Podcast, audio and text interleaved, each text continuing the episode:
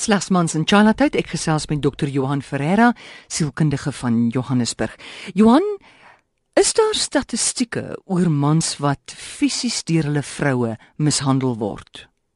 Die statistiek is baie onbetroubaar en word sterk bevraagteken omdat dit nie iets is wat mans bloot lê nie. Dit is baie moeilik om te probeer bepaal hoeveel mans fisiese geweld binne hulle verhoudings beleef want hulle is uit die aard van die saak geweldig skaam daaroor en hulle vertel net nie vir mense daarvan nie.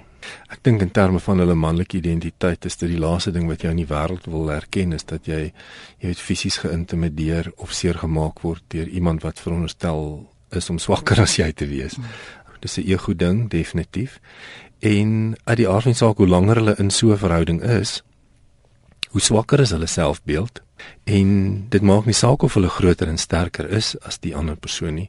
Um emosioneel is hulle is hulle afgeknou en voel hulle totaal minderwaardig. Daar is wel mans wat uiteindelik op die plek kom waar hulle besef dat hulle lewe in gevaar is of waar hulle soveel keer um fisiseer gekry het dat hulle behandeling daarvoor moet ontvang en dan begin van die versorgers, die dokters natuurlik nou vra vra. Dit het maar dieselfde profiel as 'n kind wat mishandel word of 'n vrou wat mishandel word. Die persoon het bepaalde beserings wat dan by herhaling voorkom. Soos watter beserings? Soos wat doen vroue? Kyk, die mense met wie ek nou al gewerk het, is maar die breë spektrum van fisiese geweld. Vrouens wat hulle man slaan, met voorwerpe slaan of of handgemeen met hulle raak, hulle met die vuis slaan hulle krap, hulle byt, jy weet hulle hulle bedreig met met 'n mes of met 'n geweer, hulle rondstamp, jy weet veral wanneer hulle kwesbaar is, wanneer hulle byvoorbeeld slaap of wanneer hulle in die badkamer is, wanneer iemand in die bad is. Jy weet om om dan 'n bekleierery te begin en dan te stamp of te slaan terwyl die persoon fisies kwesbaar is.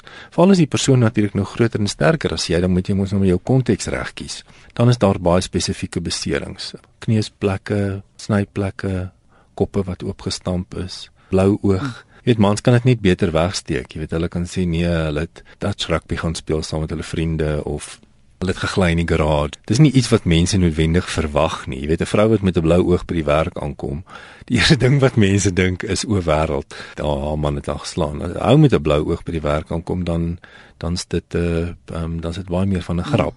Um, en ons ons ons wonder nie noodwendig of hy aangeval was nie. Sukkel daai mans net soos vroue om in so gewelddadige verhouding uit te kom? Absoluut. Ehm um, die verhouding begin natuurlik dan nou mos nou maar in 'n in 'n konteks van liefde en die fisiese geweld gaan maar gepaard met met jy weet emosionele projektering. Dis jou skuld dat dit gebeur.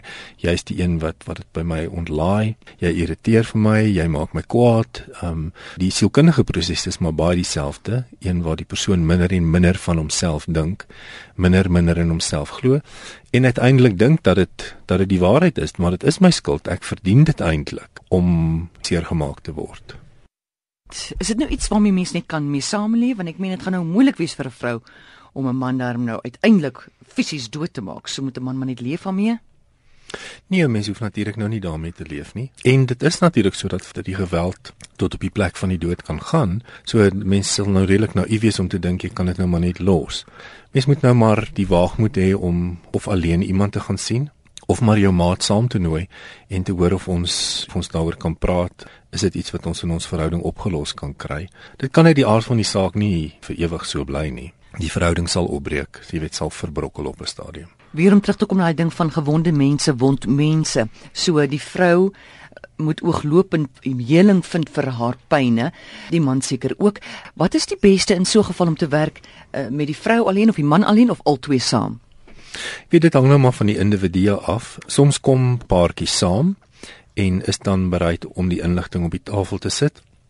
Of baie keer kom die inligting maar later in die proses uit en dan moet mens dit binne die konteks van die verhouding probeer oplos. Indien die persoon wat die geweld pleeg bereid is om, jy weet, na hulle eie proses te kyk, kan individuele terapie natuurlik vir so 'n mens baie baie voordelig wees. Meeste van die tyd gaan dit maar oor 'n beheersaak, jy weet, iemand het die beheer van haar weggeneem en wil sy nou die beheer uitoefen oor haar man.